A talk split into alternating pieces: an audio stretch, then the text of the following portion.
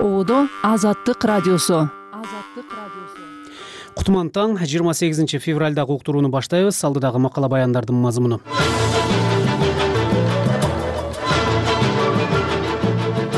Былтыр соттордо коррупцияга байланыштуу жети жүз элүүгө жакын иш каралып алардын теңине карата өкүм чыкты. Мурункудай эле биринчиден соттор көз каранды ак үйдүн тапшырмаларына экинчиден укук коргоо органдары саясий негизде куугунтукту жүргүзүп жатканын да көрүп жатабыз кемпир абад ишине байланыштуу соттук отурумда адвокаттардын нааразылыгы көп айтыла баштады. Судьянын үстүнөн тартип комиссиясына да даттануу болду. Акшга мыйзамсыз кирип депортация борборлорунда кармалып турган өзбекстандыктар американын президенти джо байден баштаган бир нече кызмат адамдарын сотко бергени кабарланды ошондой эле киевде жеке менчик мектепти жетектеген кыргызстандык азат тарыхчиев тууралуу баяныбыз бар. Андан тышкары элдик экономика жана сергек жашоо түрмөктөрүн сунуштайбыз. Таластын эркесар айылындагы көйгөйлөрдү айтып беребиз. Келген эле кишиге көзүбүз чачырап ушул биздин жолубузду анан балдарыбызга маршрут бирдеке каттатып берип койсо деген эле көйгөйлөр. Студияда санжар эралиев азыр жаңылыктар рахат кеңешовадан рахмат саламатсыздарбы. Кумтөр голд компани ишканасы былтыр кумтөр кенинен он үч тонна беш жүз алтымыш жети килограмм алтын өндүрдү. Бул тууралуу компания өз сайтына жана социалдык түйүндөрдөгү баракчаларына жарыялады. Ишкана өткөн жылы жалпы он төрт тонна алтын өндүрүү планын койгон. Планга жетпей калган себебин ишкана казылганда рудада алтындын көлөмү аз чыгып калганы менен түшүндүрдү. Маалыматта айтылгандай компания былтыр жыл ичи өндүргөндөн он килограмм ашыкча жалпы он үч тонна беш жүз жетимиш жети килограмм алтын саткан. Ишкана мындан сегиз жүз кырк тогуз миллион доллар киреше таап анын үч жүз эки миллион долларын таза пайда катары көргөн. Натыйжада мамлекетке салык жана башкы төлөмдөр түрүндө он жети миллиард эки жүз кырк бир миллион жетимиш бир миң сом которулду.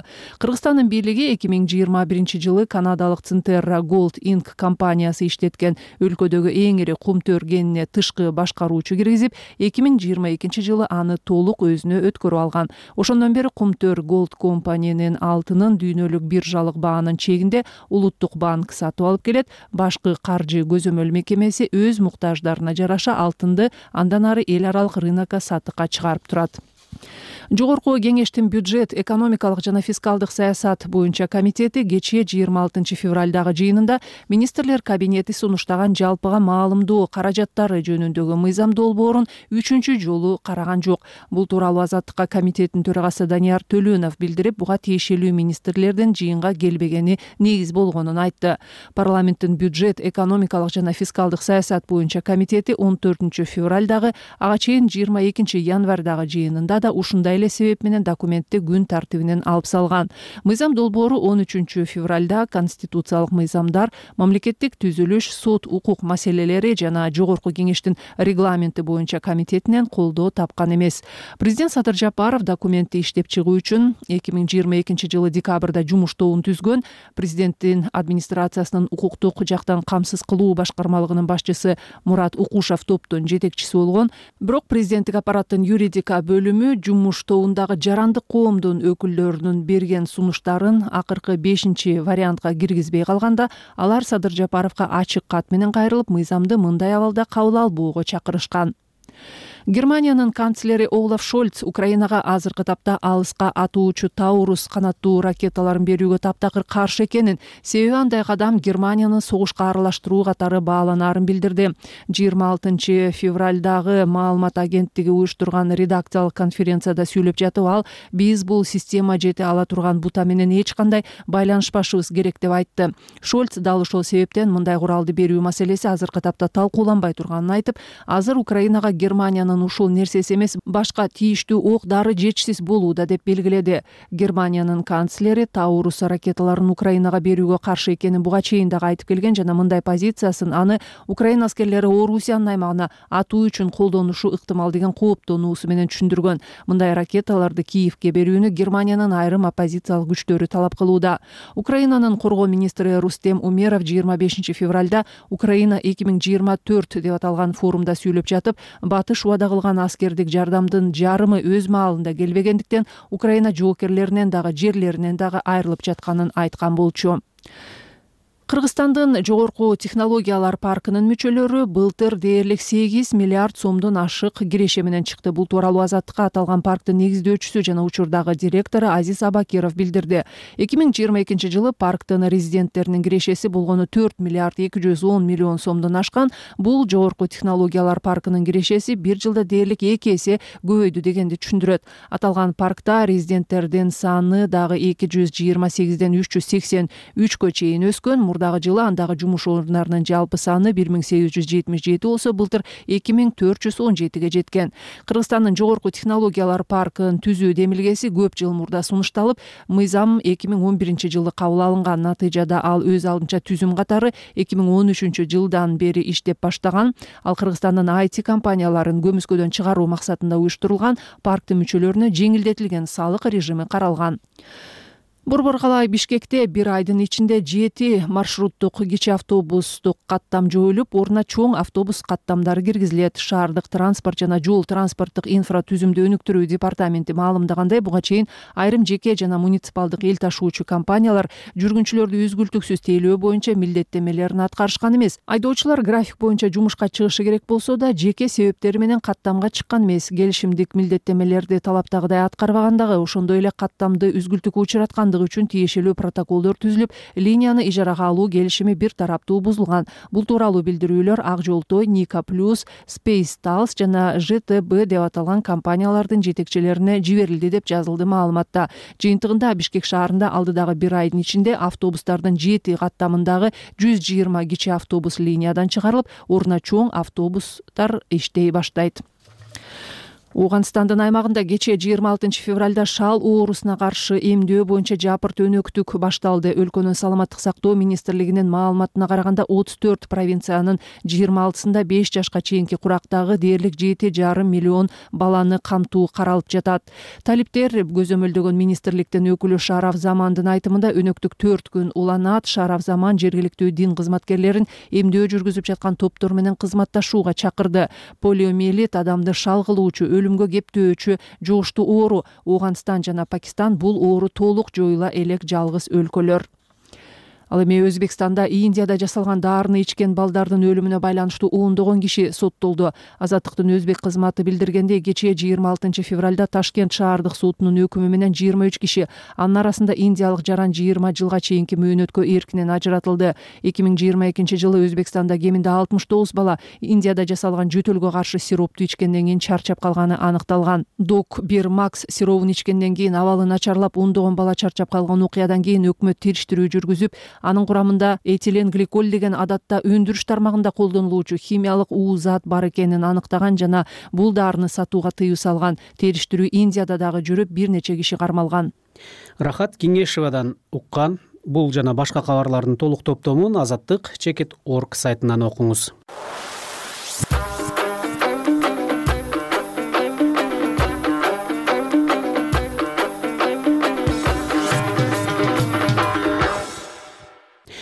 былтыр соттордо коррупцияга байланыштуу жети жүз элүүгө жакын иш каралып алардын теңине карата өкүм чыкты. Анда төрт жүз он адам соттолуп жүздөн ашыгы акталды. Бул тууралуу азаттыкка жогорку соттон кабарлашты. Былтыр май айында улуттук коопсуздук комитетинин төрагасы камчыбек ташиев өлкөдө жемкорлукту тыюунун экинчи айлампасы башталганын ал алда канча оор болоорун жарыялаган өткөн айда transparency international эл аралык уюму коррупциянын деңгээли тууралуу жаңы баяндамасын жарыялады. Анда кыргызстан бул рейтингде бир баскыч артка кетип жалпы жүз баллдын жыйырма алты упайын алып дүйнөдөгү жүз сексен өлкөнүн ичинен жүз кырк биринчи орунга жайгашкан. Сөз элеонора бейшенбек кызында. Жогорку соттун маалыматына ылайык былтыр коррупцияга байланыштуу козголгон кылмыш иштеринде мамлекетке келтирилген зыян жүз сексен алты миллион сом деп эсептелди анын элүү беш миллион сомуна жакыны сотко чейинки өндүрүштө сот процесси маалында тогуз миллионго чукулу гана өндүрүлдү. Былтыр жемкорлукка шек саналган төрт жүз он адам соттолуп жүз он алты киши акталды.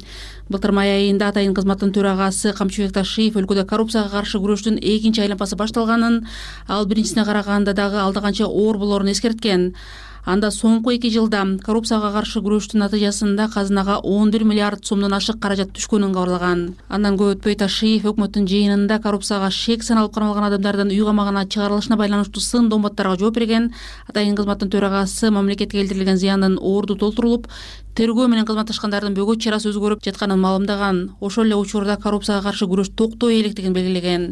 Өткөн айда жарыялаган transparency international эл аралык уюмунун коррупциянын деңгээли тууралуу жаңы баяндамасында кыргызстан бир баскыч артка кетип жүз баллдан жыйырма алты упай алган жана жүз сексен өлкөнүн ичинен жүз кырк биринчи орунга илинген аталган уюм докладында мамлекеттик сатып алуулар тууралуу мыйзамга алымча кошумчалар киргизилгени менен негиздеген.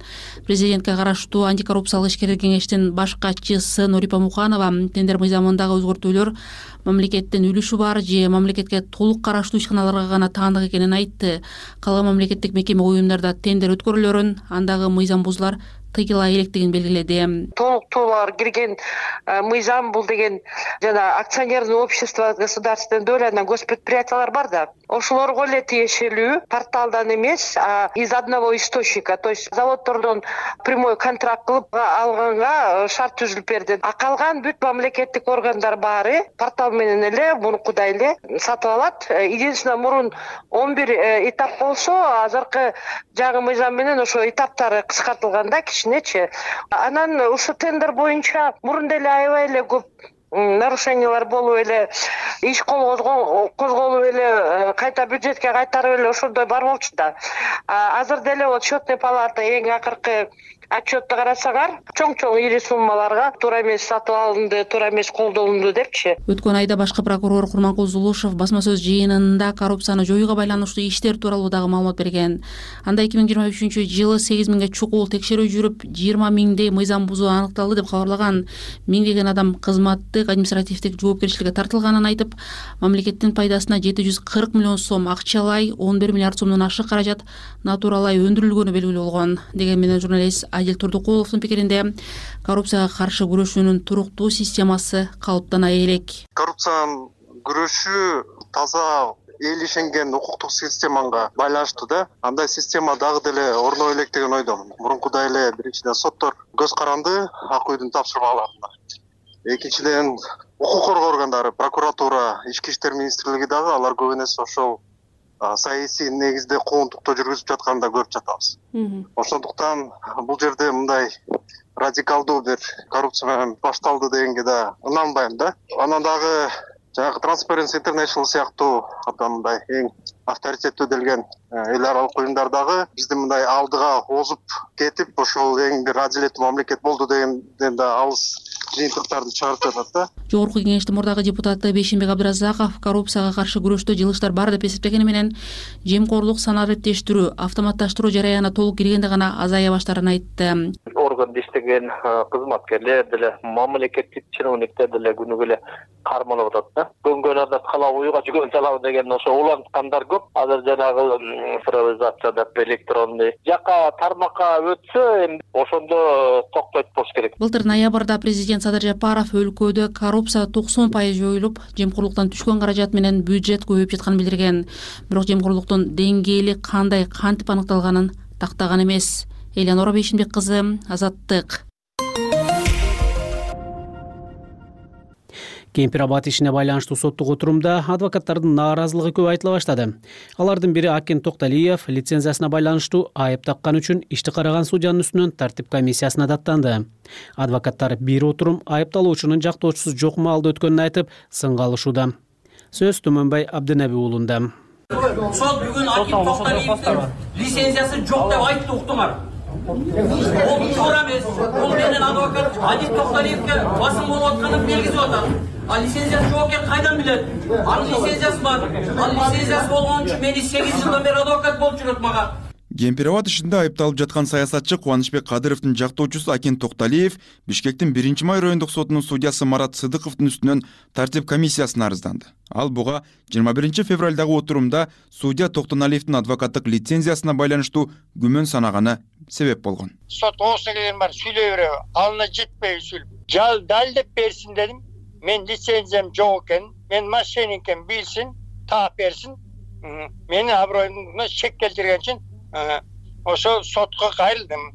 Сотко да кайрылдым. Эми президентке кайрылып атам жогорку кеңешке кайрылып атам. Деди токталиев.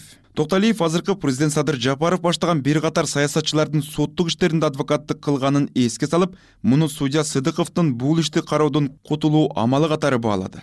Мындан тышкары судья он төртүнчү февралдагы отурумда айыпталуучу гүлнара журобаеванын адвокаты келбей калганына карабай процессти өткөргөнү белгилүү болду прокурорлор өздөрү эметти да. Туура эмес болуп калыптыр тиги бул деп судья дагы анан ошо менен э, ошон үчүн өткөн эменди отурумду. Дам адвокаттар жок болуп калып анан отмена кылган. Бир адвокат келбей калды эле ошон үчүн эме кылган буяка жылдырган. Анткени адвокатсыз болбойт да эмени өткөзгөн. Деди бул иште айыпталып жаткан жеңиш молдокматов менен активист эрлан бекжүрө уулунун адвокаты кантемир турдалиев кемпир абад иши боюнча айыпталып жаткан саясатчылар соттук процесстин жүрүшү боюнча нааразылыгын буга чейин да көтөрүп келишкен.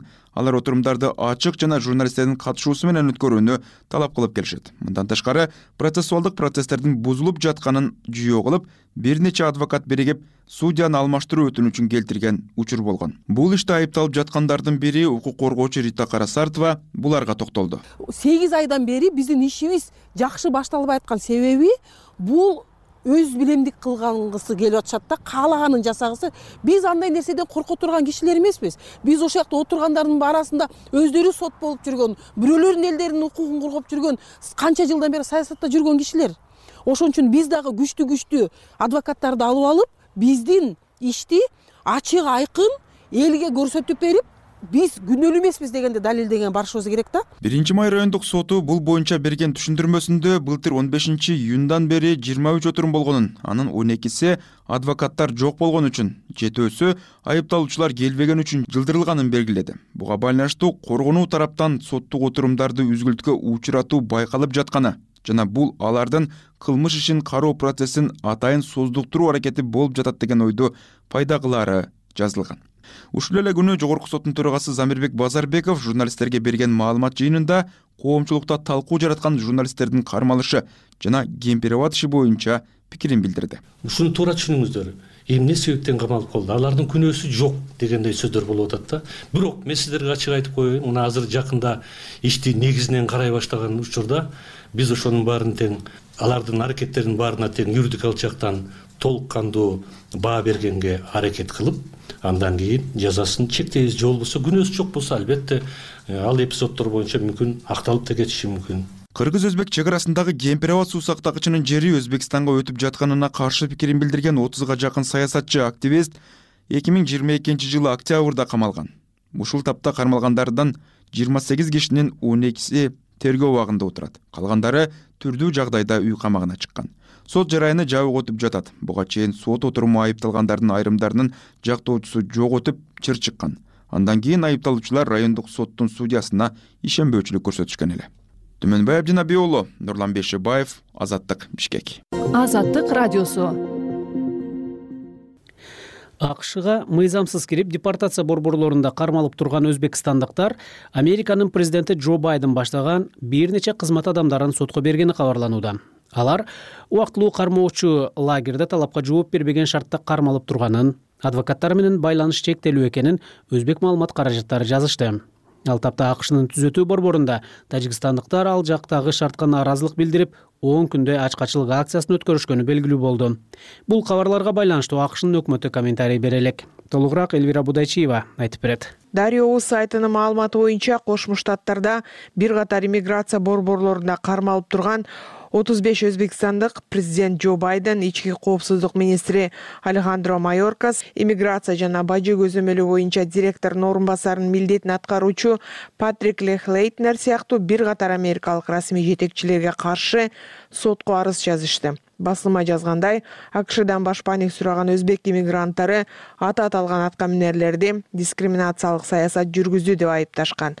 Алар арызында акшда улутуна карата басмырлоого туш болгонун ошондуктан аларды кармоо тууралуу чечим мыйзамсыз деп табылышы зарыл экенин белгилешкен. Ошондой эле арыз ээлери адвокаттардын чыгымын төлөп берүүнү да талап кылышкан. Ишти алып барган иммиграция боюнча юрист абадир барре өзбекстандыктарды камактан бошотууну көздөп жатканын youtube порталына жыйырма биринчи февралда жарыяланган видеодо айтты. Uh, дем алыш күндөрү арызды сотко бердик. Учурда ал каралууда. Эмки кадам өкмөт аны кабыл алышы керек. Азыр судья дайындалышын күтүп жатабыз ал жакын арада болушу керек. Деди адвокат баары. Арызында ошондой эле өзбекстандык жарандар убактылуу кармоочу лагерде талапка жооп бербеген шартта кармалып турганы алардын адвокат менен байланышы чектелүү экени айтылган. Дарио уз сайты былтыр сентябрь айында акшнын чек арасынан өтүп калифорнияга багыт алганда кармалган өзбекстандык он тогуз жаштагы жигиттердин окуясын мисал келтирген басылманын маалыматына ылайык. Бул жигиттер иммиграциялык кармоочу жайга октябрь айында жөнөтүлгөн. Өзбекстандыктар суракка алынып бирок эч нерсе ачыкталган эмес. Аларды бошотуунун ордуна убактылуу кармоочу жайга жөнөтүшкөн. Соттук териштирүүдө биз аларды күрөөгө бошотууну суранганбыз. Бирок прокурор балдар басып өткөн жол менен террорчуларды да ташып өтүшөт деп каршы чыкты кийин судья конкреттүү далилдерди сураганда прокурордо алгылыктуу жооп болгон жок. Анан алар он төрт миң доллар күрөө менен бошотулду. Дейт иш менен тааныш өзбек жигит. Акш өкмөтү же американын өзбекстандагы элчилиги сотко арызданган отуз беш өзбек жаранынын окуясы тууралуу комментарий бере элек дарио уз басылмасына маалымат берген акшда жыйырма жылдан ашык убакыттан бери жашаган өзбек блогер өткүр рахматуллаев америкадагы депортация борборлорунда кармалган бул өзбек жарандары террорчулукка шектелип жатышы мүмкүндүгүн айтты. Анын пикиринде бул мигранттар адатта экстремисттер көп колдонгон туркия испания түштүк америка акш маршруту аркылуу мыйзамсыз жол менен өлкөгө кирген буга чейин cnn телеканалы да америкалык аткаминерлер бир нече мигрантты тыкыр текшерип жатканын кабарлаган. Былтыр жыл аягында акш өкмөтү жүз он тогуз өзбекстандык жаранды мекенине кайтарганын өзбекстан тышкы эмгек миграция агенттиги билдирген. Ошондой эле былтыр жыйырманчы ноябрда кошмо штаттардын өзбекстандагы элчилиги мексика акш чек арасынан мыйзамсыз өткөн өзбекстандыктар эми иммиграциялык иши каралып бүткүчө кармалып турарын маалымдаган ал тапта акшнын луизиана штатына караштуу вин шаарындагы түзөтүү борборунда кармалган тажик мигранттардын тобу ал жактагы шартка нааразылык билдирип ачкачылык акциясын өткөрүшкөнү маалым болду. Он күнгө созулган ачкачылык эч кандай жыйынтык берген жок. Эки тажик жараны жыйырма үчүнчү февралда озоди радиосуна берген маегинде акшга мексика аркылуу келишкенин ал жерде тажикстандык жүзгө чукул жаран бар экенин айтышкан алар акшдан башпаанек сурашканын жана арыздары каралып жатканын белгилешет. Алар орус паспорту менен мексикага чейин келип ал жактан акшга мыйзамсыз өтүшкөн көптөгөн тажик мигранттары убактылуу кармоочу жайларда төрт алты айдан бери сот жараянын күтүп жатышканын айтышууда. Кошмо штаттардагы башка түзөтүү борборлорунан айырмаланып луизианада иммиграциялык мыйзамдарды бузууга шектелген адамдар күрөөгө бошотулбайт. Дегени менен вин шаарындагы убактылуу кармоочу жайдын администрациясы камактагы мигранттардын акциясы боюнча комментарий берген жок. Белгилей кетсек акшнын чек арасынан мыйзамсыз өткөн жарандарга кеминде беш жылга кайра кирүүгө тыюу салынат. Мыйзамсыз миграцияга жардам берген үй бүлө мүчөлөрү да виза алуу укугунан биротоло ажыратылышы мүмкүн. Былтыр он сегизинчи октябрда озотлук радиосу президент байдендин администрациясы евро шаркеттен америкага бет алган тажик жана өзбек жүргүнчүлөргө транзит визасын киргизүүнү өтүнгөнүн маалымдаган вашингтон ошол өлкөлөрдүн жарандары үчүн виза режимин катаалдаштыруу ыктымал террорчулардын келишин алдын алууну көздөөрүн билдирген акыркы төрт беш жылда америкага мексика аркылуу барган борбор азиялыктардын анын ичинде кыргызстандыктардын саны көбөйгөнү байкалууда. Эки миң жыйырма үчүнчү жылдын күз айларында эки жүз миңдей адам мексиканын чек арасында америкага өтө албай топтолуп турганы айтылган. Борбор азиялык мигранттардын көбү евро биримдик аркылуу латын америкасын өтүп андан соң мексика чек арасынан акшга кирүүгө аракет кылып атканы утуру айтылып келет. Эльвира будайчиева азаттык киевде жеке менчик мектепти жетектеген кыргызстандык азат тарыхчиев окуучулар үчүн бомбадан сактануучу жай даярдаган. Азат окуучулар үчүн коопсуз жана сырттагы согушту эстебеген чөйрө түзгүсү келет.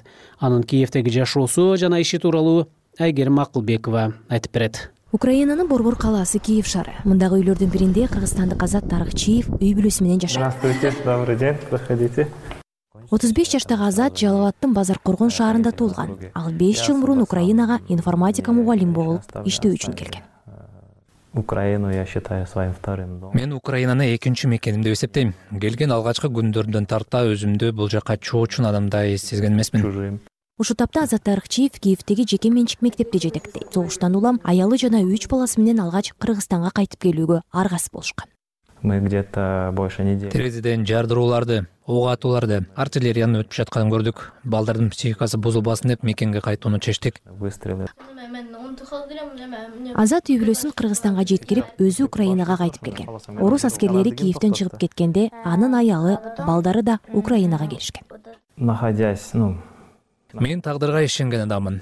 Эгер маңдайыңа жазып койсо өлүм кайсыл жерде болсоң да сага келет жакшы күндөрдө ушул жерде болуп кыйын күндөр келгенде бул өлкөнү таштап кетүүгө менин абийирим жол бербеди просто позволить не мог кыргызстандык туугандары жана тааныштары азаттын согуш маалында украинага келүү чечимин түшүнүшпөй жада калса айыпташкан. Анын жакындарынын көбү украинадагы окуяларды орус пропагандасынын призмасы аркылуу кабыл алышат. Можно как им объясняли то что там нету никаких тут э, мы не видели никаких националистов биз аларга жагдайды түшүндүргөнгө аракет кылдык. Бул жерден улутчулдарды көргөн жокпуз. Ракеталар орусиянын чабуулу жөнүндө айттык. Бирок баары бир маалымат адамга көбүрөөк таасир этет экен айрымдары ойлонуп калышты. Кээ бири ишенген жок. Кыскасы ар кандай кабыл алышты? Некоторые все равно в своих мнениях оставались по разному было. Эки жылдык кеңири масштабтагы согуштан кийин кыргыз өкмөтү орусиянын украинага басып киришин ачык айыптаган эмес бейтарап позицияны карманып келет я поддерживаю. Украинада болгонум үчүн мен украинаны колдойм. Анткени мен украин элинин турмушун ичинен көрүп алар менен биргемин. Бирок бул менин жеке пикирим. Ал эми кыргызстандын бийлигинин позициясына келсек бул жерде кандайдыр бир саясий учурлар болсо керек. Бул тууралуу эч нерсе айта албайм. Маалыматым да жок. Азат саясатка деле көп кызыкпайт. Ал өзүнүн негизги иши жана миссиясы катары балдарга билим берүүнү эсептейт. Hello class. How are you doing today киевке кайтып келгенден кийин азат лицейди окуу процессине даярдай баштайт. Ал мектептин алдындагы жер төлөөгө бомбадан сактануучу жай курган. Азат согуш маалында да балдар окушу керек деген пикирде. Тут у нас бул жакта биздин бомбадан сактоочу жай жайгашкан. Абадан эскертүү берилгенде балдар мугалимдер дароо бул жака кире кайтышат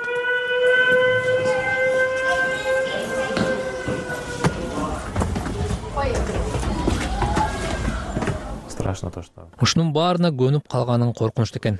Кандай учур болбосун биз сабакты токтотпой балдарды окута беребиз. Прекращается продолжаем. Согушка чейин бул интернационалдык лицейде төрт жүзгө жакын ар улуттун балдары билим алышкан. Азыр алардын тең жарымы калды. Көбү жергиликтүү калктын балдары.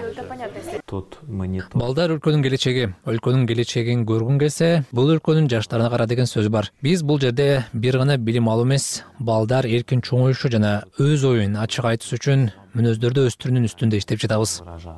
Лицейде сабактар англис жана украин тилдеринде өткөрүлөт. Азат мектепте балдар согушту такыр ойлогогудай чөйрө түзүүгө аракет кылып жатканын айтат.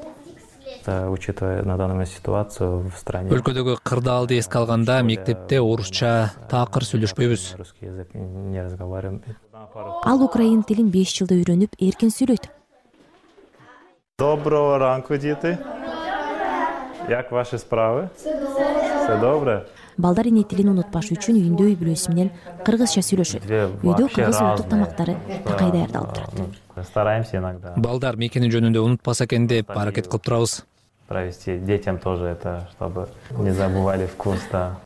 Азат үй бүлөсү менен кыргызстанга кайтып келеби азырынча билбейт 385 даже если бул жактагы жашообуз өмүр бою эсибизде болот. Качандыр бир башка өлкөгө кете турган болсок да украинаны экинчи мекенибиз катары дайым эстеп турабыз. Тышкы иштер министрлигинин маалыматына караганда согуш башталганга чейин украинанын аймагында кыргызстандын эки миңге жакын жараны жашаган. Алардын басым дөөлүгү орусия украинаны басып киргенден кийин өлкөдөн чыгып кетүүгө аргасыз болушкан. Айгерим акылбекова азаттык таластын атай угунбаев айылдык аймагына караган эрке сары айылында эки жүздөй адам жашайт. Бул аймакта башталгыч мектептен башка социалдык имарат жок. Төртүнчү класстан жогорку курактагылар үч чакырым алыстыктагы коңшу айылга барып окушат кыштактын көйгөйлөрү тууралуу аймактагы кабарчыбыз максат кутманбеков айтып берет. Таластын эрке сары айылындагы мектепте үчүнчү класста окуган иман быйыл башталгыч мектепти аяктайт келерки жылдан тарта үч чакырымдай алыстагы коңшу айылдын мектебине барууга туура келет. Жол азабын ал эмитен эле ойлоп кыжалат. Мен каалашымча бул он биринчи класска чейин окутса болмок негизи. Нары жака ылдый жака барганча чарчап да калат мындай машинаны алып барат же менен алып барат билбейм ошол кезин ойлонуп атам ушул тапта имандын мектебинде биринчи класстан үчүнчү класска чейин отуздай эле бала окуйт. Мектеп имаратын жыйырма беш жыл мурун ашар жолу менен курулган. Анда айылда мектеп болгон эмес эл өзү колунда барын чыгарып куруп алган экен. Эмне деп коебуз асман ошону жазып алабыз асман мейилкан бактыбек кызы эки жыл мурун мектепке мугалим болуп келген. Ал күнүгө үч чакырым алыстагы коңшу айылдан келип сабак берет. Бул жакта э, он ондон ашык окуучу болуш керек. Төртүнчү класстарга онго он окуучу толбой калган себебинен э, төртүнчү класстар жок алар ылдый жака барып окушат. Азыркы учурда бирден үчүнчү класска чейин эле окушат. Чакан мектептин бөлмөлөрүн мугалимдер өздөрү колдон келишинче жасап алган. Парта стулдары болсо коңшу айылдагы мектептен арткан эски үскүлөр. Мейилкан жети жыл мурун нарындан таласка келин болуп келген ал мектепке чейин узак жолду жөө басып келгенине да кайыл болуп мугалимдик кесип анын балалык кыялы болгонун айтат. Кар аябай калың жайыт да ылдыйкка салыштырмалуучу калың бар кар да калың анан тоо болгондуктан аябай өр да бияка келиш мындай кыйын болуп кетет да кээде биз ылдый жака. Эмеге да чогулушка да барабыз да бул мектептен чыгып алып чогулушка барабыз кайра үйгө барганча чарчап калабыз да эрки сарынын ушул тапта эки жүздөн ашык тургуну бар. Айыл облус борборунан болгону жыйырма чакырым алыстыкта ошентсе дагы келип кетүү өзүнчө эле азап. Анткени атайын маршруттук каттамдар же такси кызматы жок. Почта кызматында иштеген бурмагүл бокушова талаш шаары менен эрке сарын жолунда дала изим калды дейт. Ушул жол менен жалаң эле мен өтпөйм. Немеде фапта иштеген медсестра да бар күнүгө келип кеткен окуучулар барып келет ушу жолубузду оңдоп берсе. Мурда эле тиги биз бала кезде эле мен ушул айылдын кызы да келини да болом. Бала кезден чоңойгон айылым. Жөө барып келип иштемей жөө барып келип каттамай таласка продуктыга түшсөк да бизде магазин да жок эң жөнөкөй. Майда чүйдө саткан магазин да жок. Ушундай айыл. Бийлик бул жака көңүл бурбайбы бияка көңүл деле бурбайт го дейм. Баарын айтып эле жатабыз келген сал ушинтип бирдеке тартып келгендерге деле э, айыл өкмөт келип сүйлөшсө деле айтып атабыз. Анан былтыр топурак төгүп биртке жана эме менен сүрдүрүп эметип койгон. Болду ошо менен калды жолубуз асфальт кылып берсе деп суранып атырбыз элдер. Келген эле кишиге көзүбүз чачырап ушу биздин жолубузду анан балдарыбызга неме маршрут бирдеке каттатып берип койсо деген эле көйгөйлөр бурмагүл бокушованын неберелери дагы айылдагы чакан мектепте окушат. Негизи биздин мектепте он балага комплектование кылып класс ачыла турган кылып коюптур а биздики былтыр он сегиз бала болду. Быйыл окуй турган балдарын дагы былтыр окутушту далбастап класс ачылды деп сүйүнүшүп.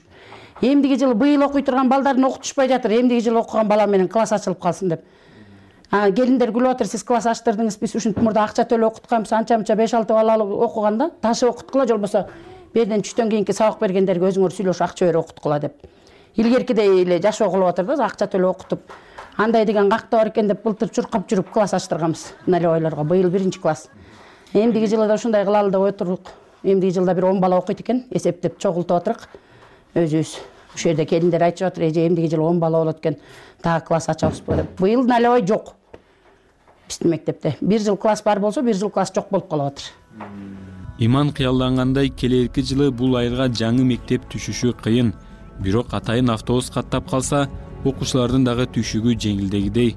Чакан айылдын чоң түшүгү ушундай. Баса айылдын аталышы белгилүү комузчу эрке сары бекбазар уулунун ысымын алып жүрөт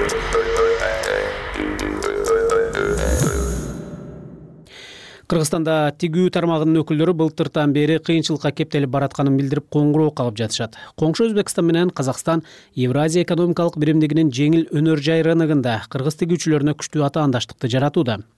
Тигүүчүлөр өкмөттүн экономикалык реформалары аларды катуу жүдөтүп жатканын айтса эксперттер тармак өнүгүүнүн жаңы этабына өтүп баратканын белгилешет тигүү индустриясы кандай өзгөрүүлөргө муктаж болуп турат жана өкмөттүн чаралары заман талабына шайкеш келеби бул суроону элдик экономика түрмөгүндө кубатбек айбашев көтөрөт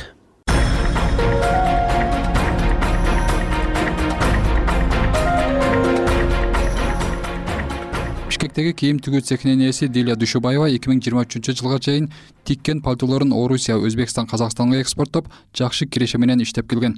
Бирок былтырдан бери кыргызстандын тигүү тармагындагы ишкерлер демилгени коңшуларга алдырып баратканын айтып жатат. Азыр биздин рыноктон өзбекстан албай калды. Алар себеби мамлекет аябай колдоду дагы миңдеген орундуу фабрикаларды ачып атат. Менден мурда мен пальто тигем пальто алып жүргөн клиент бар эле кардар бар эле. Ал миң орундуу фабрика ачты. Анан кийин ошого бизде бир иштеген бирөө бар эле анан иштебей калган эле ошону технолог кылып айына айлык төлөмдөп алып кетти да. Ал дегени бизди бизден пальто албай калды деген сөз. Өзбекстан азыр келбей калды тажикстан келбей калды казакстан кытайдан алып калды. Өзү мындай токсон үчүнчү жылдан бери дордойду өзүбүз тигсек биздин ишкерлердин нандарын башка коңшулар алып кетип атат да. Себеби аларда ишкерге көбүрөөк колдоо болуп атат да. Бизде колдоо болбой аткандай да.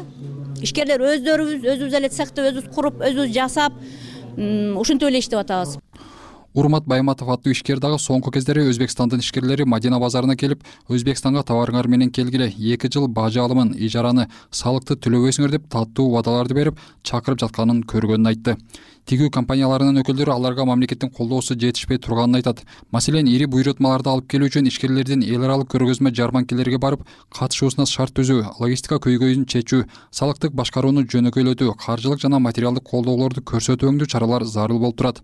Грин фабрикасынын жетекчиси тилек сапарбаев жакында тигүү индустриясына арналган тегерек столго катышып көбүнчө казакстанда жаралып келаткан логистикалык көйгөйлөрдү чечпесе кыргызстандын тигүүчүлөрү атаандаштыкка туруштук бере албай ири буйрутмалардан куру кала берерин белгиледи биз азыр логистика мына отуз күндөн бери товарыбыз жөнөтүлгөн товарыбыз кетпей атат бул эми погодадан болот. Погодадан биз жыйырма процентин эле түзөт. Калган сексен проценти казакстан россия ушу логистика бажы кызматы чечилбей келет да. Эрке штамбы мына сканердик немени койдукпу коридорду? Ошондойду эмнеге казакстан менен сүйлөшүп биздин өкүлдөр барып ай ушул менен оокат кылып атабыз. Ушул баягы кетип аткан товарды тоспогулачы а биз эптеп тияктан кардардан заказ буйрутма алабыз дагы жөнөткөндө он күн деп договорго жазабыз.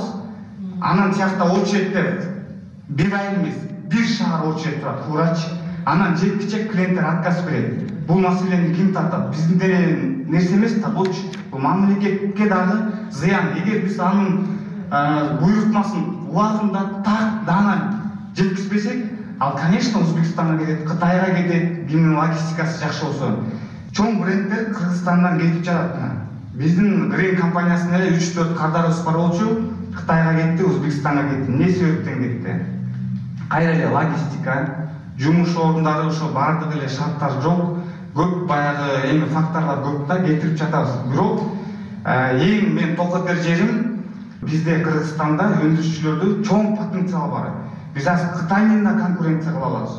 Өзбекстан менен да башка турция менен дагы экономика жана коммерция министрлигинин маалыматына караганда эки миң он сегизинчи эки миң он тогузунчу жылдары тигүү тармагы боюнча талдоо жүргүзүлгөн. Андан бери ички жана тышкы рыноктор боюнча изилдөө жасалай элек экономика жана коммерция министрлигинин салык саясаты башкармалыгынын башчысы кубанычбек ысабеков тигүү тармагынын көп бөлүгү көмүскөдө иштегендиктен сапаттуу талдоолорду жасоо жана иштиктүү программаларды аткаруу мүмкүн болбой жатканын айтат. Когда они по словам говорят сто тысяч двести тысяч триста тысяч к сожалению сөз жүзүндө эки жүз үч жүз миң жумуш орун бар экени айтылат. Тилекке каршы төрт миңдей эле жумушчуга патент алып камсыздандыруу полисин төлөшөт. Бизде тигүү тармагында расмий түрдө кудум төрт миңдей эле жумушчу иштеп жаткандай. Андыктан көпчүлүгү көмүскөдө экенин эске алганда объективдүү жана сапаттуу талдоо жүргүзүү өтө татаал. Расмий түрдө төрт миң эле жумушчу менен кантип документ даярдап өлкө жетекчилигине алып барабыз ошондуктан азыр тигүү тармагы дагы көмүскөдөн чыга турган учур келди.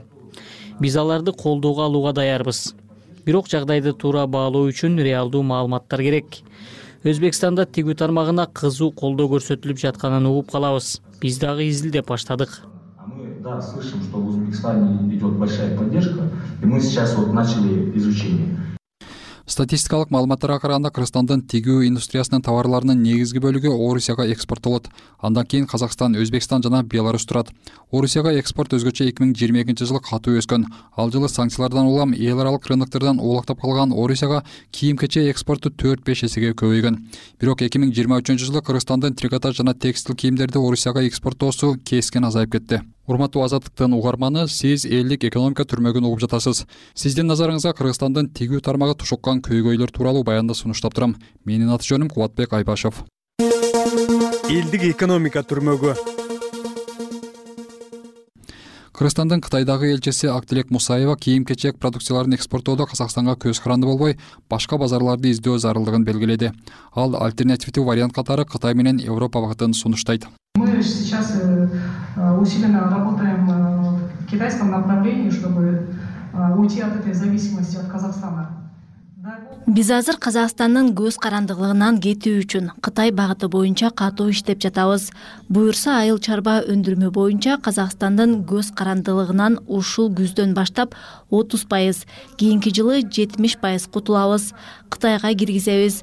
Ал эми тигүү тармагы боюнча дордойду бондулук аймак кылууну сунуштайт элем экинчиден салык боюнча программалык камсыздоо иштеп чыгуу керек. Анда иштеген оператордун айлыгын дордойдун жетекчилиги төлөсүн. Тигүүчүлөр эсепчи жалдап отурбашы керек. Үчүнчүдөн ырас биз орусияга өзүбүздүн товарларыбызды өткөрө албай казактарга күнүбүз түшүп жатабы анда биз мындай күнкордуктан кетишибиз керек. Өзбекстан сыяктуу эле башка базарларга кетүү кажет.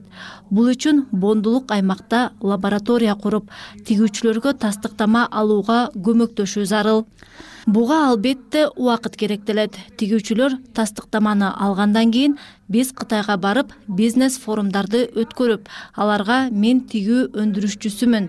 Менде тастыктама бар. Силер биз менен бирге жип шууңарды мейдин кыргызстан бренди менен европага жөнөтсөңөр болот деп айта алабыз. Анын үстүндө бизде всп плюс программасы бар. Ал боюнча биздин текстиль товарлары европага бажы алымысыз кире алат. Келгиле силер менен чогуу башка сатуу базарларын издейли. Эмне үчүн орусияга байланып калдык эмне үчүн казактар өткөрбөй жатат деп жалдырап отурушубуз керек. Келгиле мындай кетели. Другой рынок сбыта почему мы на этой россии зациклились и казактар өткөрбөй атат деп? Вот вы говорите мы годами сидим деп. Давайте уходить от этой зависимости эксперттер кыргызстандын экономикасы башка экономикалардай эле орус армиясынын украинага кол салышы пандемия сыяктуу глобалдык окуяларга байланыштуу кризистик кырдаалды башынан кечирип жатканына көңүл бурушат. Мындай жагдайды алар убактылуу турбуленттүүлүк деп аташат. Эл аралык логистикалык чынжырчалардын бузулушу валюталардын курсунун секириктери жана буйрутмачылардын азайышы көп ишканаларды кудуретсиз абалга кептеди мода жана текстиль ассоциациясынын төрагасы зафарбек сулайманов учурдагы кырдаалды башка тарабына караганда кризис эмес трансформация деп атоо туура болот деп эсептейт. Ал кыргызстандын жеңил өнөр жайынын экспорту буга чейин сексен токсон пайызы орусияга байланыштуу болуп келсе эми эл аралык базарларды диверсификациялоо зарылчылыгы турганын айтат. Ал эми өзбекстан менен олуттуу атаандаштык жок экенин белгилейт өзбекстан көбүнчө жанаг пахта менен өндүрүлгөн кездемелер менен иштешет ошол багытта аябай күчтүү. Трикотажный өндүрүш боюнча. Өзбекстан трикотажный да күчтүү болсо биз текстильный да күчтүүбүз. Эмнеге себеби биз кытай менен мамилебиз жакшы баягы кытайдан оптовый закуптар көп болот?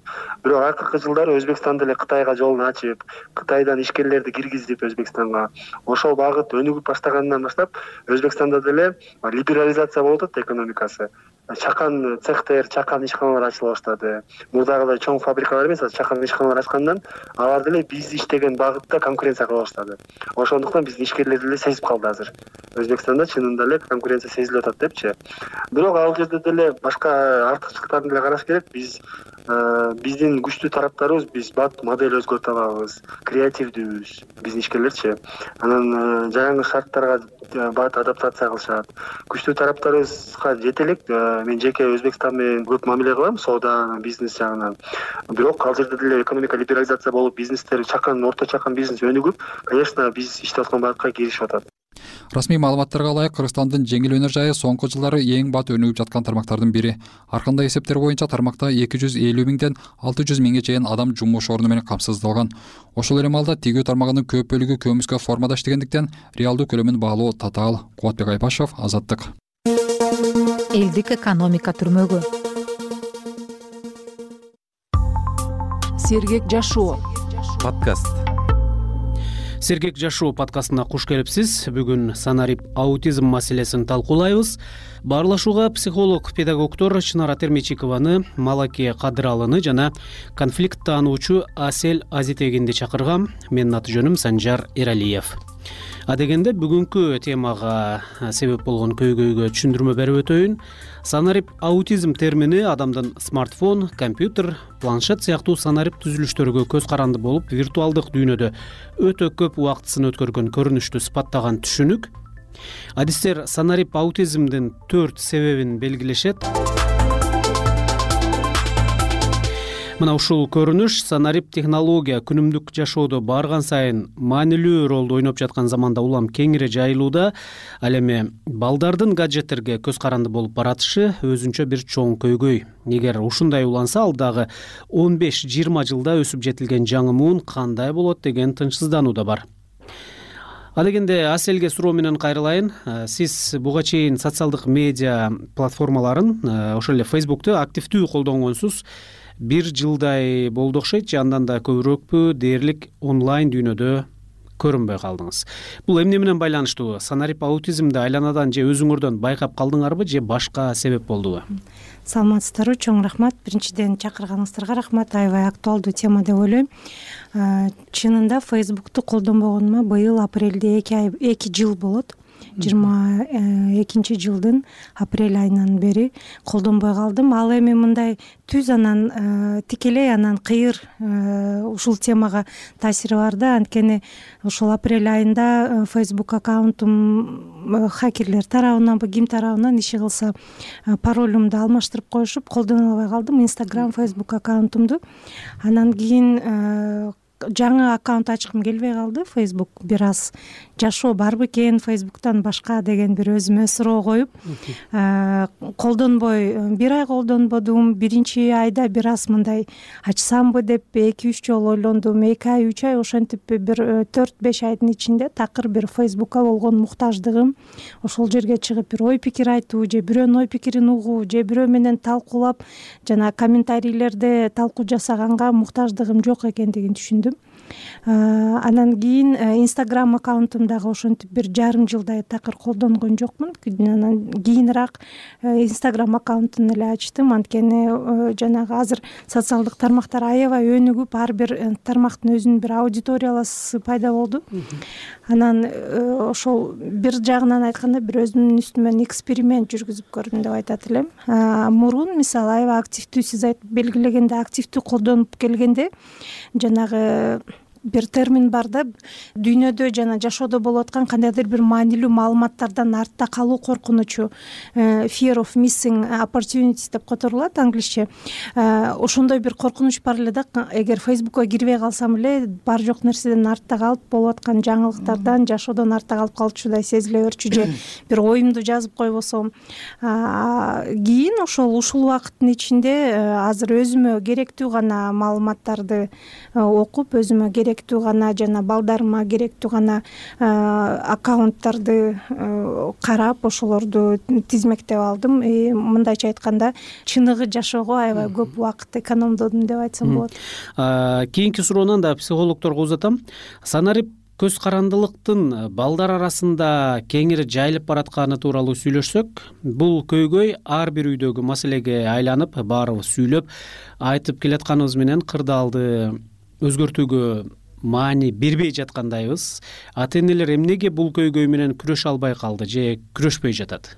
Э, балдардын кабыл алуусу аябай өнүгүп аткан учур беш жашка чейин аябай күчтүү болот да. Беш жашка чейин балдар көргөнүн укканын туйганын кармаганын сезгенин автоматтуу түрдө эле кабыл алып коет. Ошол учурда мисалы жалаң гаджет менен эле өнүктүрүп калсак балдардын тагдыры кандай болот деген бул чоң маселе болуп атат да чындыгында анан кийин балдардын жанагы ой жүгүртүүсү деген да түшүнүк бар да.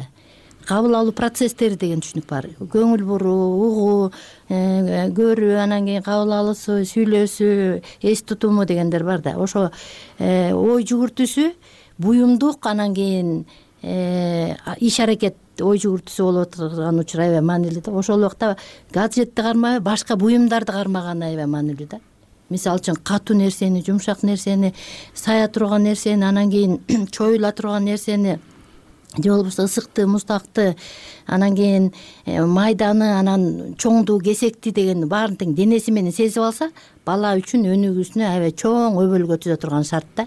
Ошондуктан эгерде жанагы гаджетти мынтип чукулап отура берсе дофамин деген түшүнүк бар да психологияда дофамин деген баягы ырахат алуу эмеси да бир көрдүбү бир мүнөттүк бир тик токту көрдү да бала ырахат алат. Анан кайра экинчисин саят дагы ырахат алат. Анан ошентип дофамин деген чуңкурга кирип кетет. Ошондон чыгыш аябай татаал нерсе да. Анан эми ушул темага байланыштуу мисалы үчүн балдарга эми баягы э, технологиялардын өнүгүү заманы андан артка калганга болбойт түшүнүгү да жок калышы болуп калышы ыктымал деген сөздөр да айтылышы мүмкүн. Ал да туура да бир чети. Эми заман ушундай болуп аткандан кийин компьютер технология интернет анан кийин бүт баары болуп аткандан кийин балдар дагы ага кичине мындай кириш керек. Бирок менин оюмча башка психологдор деле айтат үч жашка чейин эч качан эч нерсени карматпаш керек. Үчтөн кийин сааты менен минутасы менен чектеп бир мультфильмдерди көрсөтөбү бирдемелерди көрсөтсө болот деп ойлойм да. Америкада аябай популярный социальный психолог бар э, ученый э, жон твенге деген аял анан ал аябай бул темалар боюнча изилдөөлөр кылган да анан э, биринчи айфон эки миң тогузунчу жылы чыкты го дейм э. Ошондон бери э, эме кылышты изилдөөлөр кылышты. Кандай таасири болду? Э, үч төрт нерсени аябай мындай көбү көрүштү да. Биринчиси нарциссизм деңгээлинде аябай жогору болду. То есть кишилер өзү менен эле алек болуп өзүнү башка адамдардан кичине өйдөрөөк коюп ошондой тенденциялары нарциссизм тенденциялары көбөйгөнү аябай эле көбөйгөнүн көрүштү. Э, экинчиден э, ментальный здоровьясы ылдыйга кетти. То есть вроде бы э, бир жакшы возможностьтер берген бир эме гаджет бирок контрольсуз болгон үчүн ментальный здоровье ылдыйга кетти кыжаалат болуу жогоруга кетти тревога жогоруга кетти. Анан дагы маанилүү бир нерсе байкашыптыр эме взросление кечирээк болуп атканын байкашыптыр то есть мурдагы муундардын ошол кездеги деңгээли менен кыла турган нерселер менен жаңы ошол смартфондор чыккандагы муундардын салыштырганда взросление да кечүүгө болгон ойго жетүү. Э, ошол эле вот америка американын жанагы ассоциация педиатрии ошолордун маалыматтары жүргүзгөн изилдөөлөрүнөн караганда дагы балдардын э, кандайдыр бир нерсеге концентрациясы аябай э, төмөндөйт. гаджетке толук түрдө башы менен кирип кетип эле ал чындыгында контролдобосо мисалы бир видеонун рекомендациялары келе берет. Бул деген концентрациясы төмөн болгон бала сабакта отура албайт. Жанагы куртап деп коебуз го мугалимдерге тоскоолдук берет. Ушундай бир э, терс таасирлери чындыгында э, мындай көп экен да тилекке каршы. Бизде мисалы бул маселе анча мынча парламентте көтөрүлүп калат анан бизде сразу эле жок кылыш керек кесиш керек жабыш керек токтотуш керек деген чечим да. Бирок малыке мырза айтып кеткендей дагы ментальное здоровье бул бир эле балдар эмес ата энелер менен дагы иштеш керек. Сергек жашоо подкаст. Смартфон чыккандан бери эле уже жандуу баарлашуу уже аябай эле азайды. Азайды бул эмнеге алып келет? Э, эмени кошуп коеюн санариптик аутизм деген э, диагноз жок негизи официальныйчы бул жөн эле э, мнение түшүнүк эле. Анан бул социальный нерселердин азайышыны белгилеген нерсе да социалдык баарлашуулар да азайып кетти деген. Биз деген азыр психотерапияда мындай современный эмеде эме колдонобуз бир адам канчалык э, психологический ден соолугу жакшы дегенди бир критерийге карайбыз да көбүнчөчү. Э, адамдын э, мамилелери канчалык сапаттуу болсо адам скорее всего ошончолук психологический здоровый деп эсептейбиз. Азыр азыркы современный бул реляционный психоанализ анан групповой терапияларда колдонулган нерсе адамдын Э, патологиясы бар болсо бир психологический проблемалары бар болсо бул деген сөзсүз э, башка адамдар менен мамилесине таасири болот деген түшүнүктөн келет. Эгер адамдын психикасы здоровый болсо скорее всего э, башкалар менен түзгөн мамилеси дагы сапаты жогору болот деген түшүнүк да. Анан эгер балдардын баарлашуулары азайса эгер навыктары скиллдери жоголсо жандуу баарлашуучу анда бул эмеге алып келет. Э, ментальный ден соолуктун бузулганына алып келет да. Бактылуулук боюнча изилдөөлөр бар эмпирический. Уже көп жылдан бери изилделип атат да бул тема. Анан алтымыш жетимиш жылдык бүт изилдөөлөрдө почти бир критерий бар общий. Эң бактылуулукка эң көп таасири болгон критерий бул деген мамиле. Мамиле. Мамиле аялыбыз менен күйөөбүз менен туугандарыбыз менен коллегаларыбыз менен досторубуз менен мамиленин сапаты биздин психологический ден соолугуга эң көп таасири болгон бактылуулугубузга эң көп таасири болгон нерсе да. Эгер бул навыктарыбыз жоголуп баштаса баарлашуубуз болбосо значит биз деген балким э, эң негизги бактылуулукка таасир болгон нерседен э, жок калабыз да. Кургалып атабыз кургалып атабыз да. Ар дайым кыймылдаган экранга көмүп калган бала уже китептерге эмете албай калат көп внимание бура албай калат. Потому что экран кызык да мындай ар дайым кыймылдайт. Андан кийин китепте мен өзүм мектепте да иштеп жүргөндө муну байкадым. Аябай э, гаджеттер менен чоңойгон балдардын сабактарда аябай кыйналганын көрдүм да. Анан балким билим билим берүү алмашат биз билбейбиз балким ушундай санариптик түргө өтүп жаңы методдор өнүкпөсө балким башка өзгөрүү болушу мүмкүн. А мындай караганда азыркы система менен только менин оюмча зыяны көбүрөөк деп болот деп ойлойм да. Көбүрөөк э. Ошентип технология жашообуздун бир бөлүгү болуп калды. Аны четтеп да өтө албайбыз сергек жашоо подкастында санарип технология гаджеттер жана анын адамдын психологиясына таасири тууралуу сүйлөштүк. Подкастты мен санжар эралиев сунуштадым. Баарлашууга келген психолог педагогдор чынара термечиковага малаке кадыралыга жана конфликт таануучу асель азитегинге ыраазычылык. Бизди уккандарга рахмат. Подкастты толугураак азаттык чекит орг сайтынан apple жана google подкаст аянтчаларынан уксаңыз болот ал үчүн сергек жашоо деген каналды издеп жазылыңыз.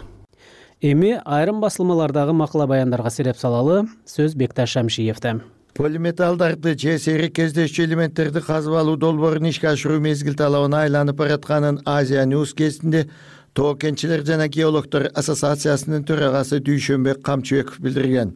Анын айтуусунда ушул таапта ак түстөгү куту сай кени иштетилүүдө азырынча ал жападан жалгыз жер. Кыргызстандын аймагында куту сайдан башка сейрек кездешүүчү металлдардын кени иштебейт. Анткени менен чүйдүн памфилов районунда жети өгүздө баткен облусунда кен табылган бирок кээ бирлеринин кору абдан аз.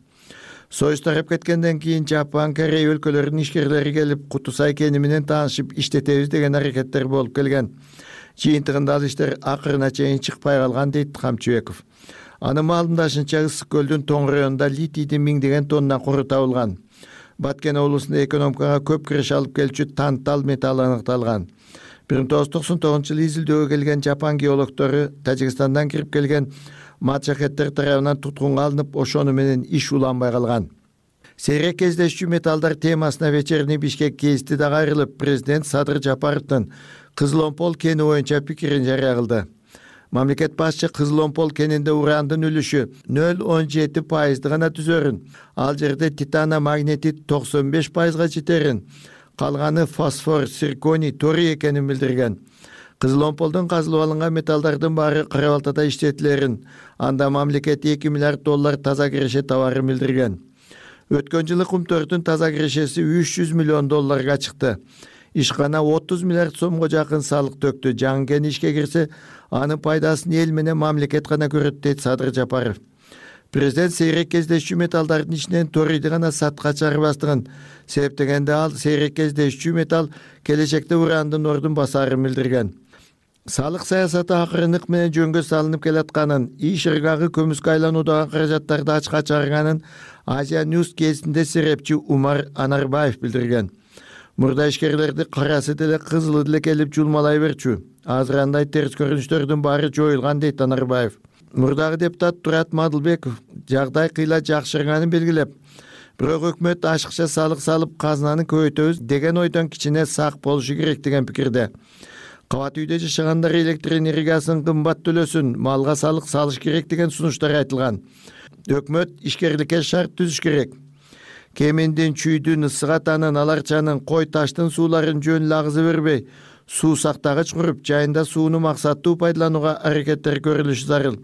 Болбосо жайында ичерге да суугатка да суу таппаган жагдай жаралат дейт мадылбеков аялынын кулагын мурдун кесип салган зөөкүр жыйырма жылга камалып кеткени менен эртең эле мунапыска туш келип бошонуп чыгышы мүмкүн экенин. Ошондой адамчыдагы азапка туш келген асель ногойбаева азия ньюс кесиндеги маегинде билдирген. Мендей эч ким азап тартпасын мындай тагдыр кайталанбасын дейт асель ногойбаева политклиника медиасында аялдар укугуна кайрылып ак жоолук жандардын коомдук тамактануучу жайларда отурушуна чектөө барбы. Аларга тыюу салууга мыйзам жол береби суроосуна жооп издеген. Социалдык тармакта отуруш дегенди биринчи болуп апалар башташат эркектер тамактануучу жайларга кирип чай иче албай калдык деп жатышат. Кирсе эле токсон тогуз пайызы шагыраган аялдар. Үйдө өткөргүлө келин дегенди эмнеге алдыңар эле ошол жуусун тамак жасап берсин деген пикир тараган. Ага улай айрымдар кафе ашканалардан башы чыкпаган айымдарга айып пул салуу пикирин жазса башкалары антиш караңгылык болорун белгилешкен. Демек аялдарга тамактануучу жайларда отурууга тыюу салуу алардын баш мыйзамда бекитилген укуктарын чектөө деп белгилейт басылма автору. Кадырлуу армандар сиздер кыргыз басма сөз баяндамасын уктуңуздар. Аны мен бекташ шамшиев даярдадым саламаттаңыздар ушуну менен азаттык радиосу жыйырма жетинчи февралдагы таңкы программаны жыйынтыктайт. Студияда санжар эралиев иштеди. Укканыңыз үчүн рахмат саламатта калыңыз